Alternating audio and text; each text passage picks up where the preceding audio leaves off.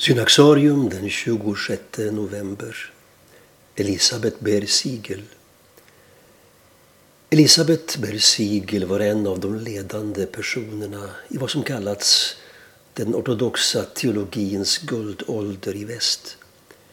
Denna var en direkt följd av den ryska revolutionen som tvingade många ledande intellektuella ortodoxa i exil. En stor grupp av dessa sökte sig till Paris Bersigel kunde se en Guds försyn i den påtvingade ryska exilen som kom att leda till ett fruktbart möte mellan den ortodoxa kristna traditionen och den moderna världen. Elisabeth Bersigel föddes 1907 i Alsac som då var en del av det tyska riket. Hennes far var kristen och protestant medan hennes mor var judinna. Hon blev själv en aktiv kristen och var en av de första kvinnorna som studerade teologi vid universitetet i Strasbourg.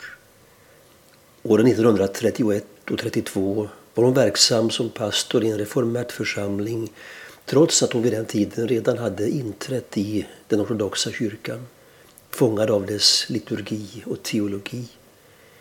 Hennes formella tjänst som pastor avslutades i och med att hon gifte sig med en rysk emigrant André Baer. Elisabeth Baer Siegel kom tidigt i kontakt med flera av de välkända ryska teologerna som befann sig i exil i Frankrike såsom Nikolaj Berdjajev och Sergius Bulgakov. Den som kom att få störst betydelse för henne var Lev Gillé med vilken hon hade en över 60 år lång vänskap som i åren djupnade allt mer. Bersigel kom att skriva biografin över denne prästmunk vars böcker spreds över hela världen under pseudonymen En munk från Östkyrkan. En annan viktig inspirationskälla för Elisabeth Bersigel var Moder Marias Kopstova som i Paris förestod ett kloster som var ett slags hybrid mellan soppkök för hemlösa, tillflykt för prostituerade och mötesplats för intellektuella. Likt Moder Maria engagerade hon sig för judarna under andra världskriget genom att bereda skydd för framförallt judiska barn. Medan Moder Maria arresterades och avrättades i Ravensbrück överlevde Elisabeth Bersigel kriget.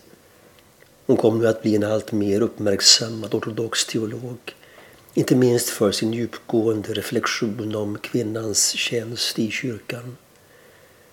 Sedan hennes man avlidit 1968 flyttade hon till Paris där hon levde ensam i en liten lägenhet samtidigt som hon gjorde omfattande resor och medverkade som föreläsare vid teologiska konferenser och seminarier.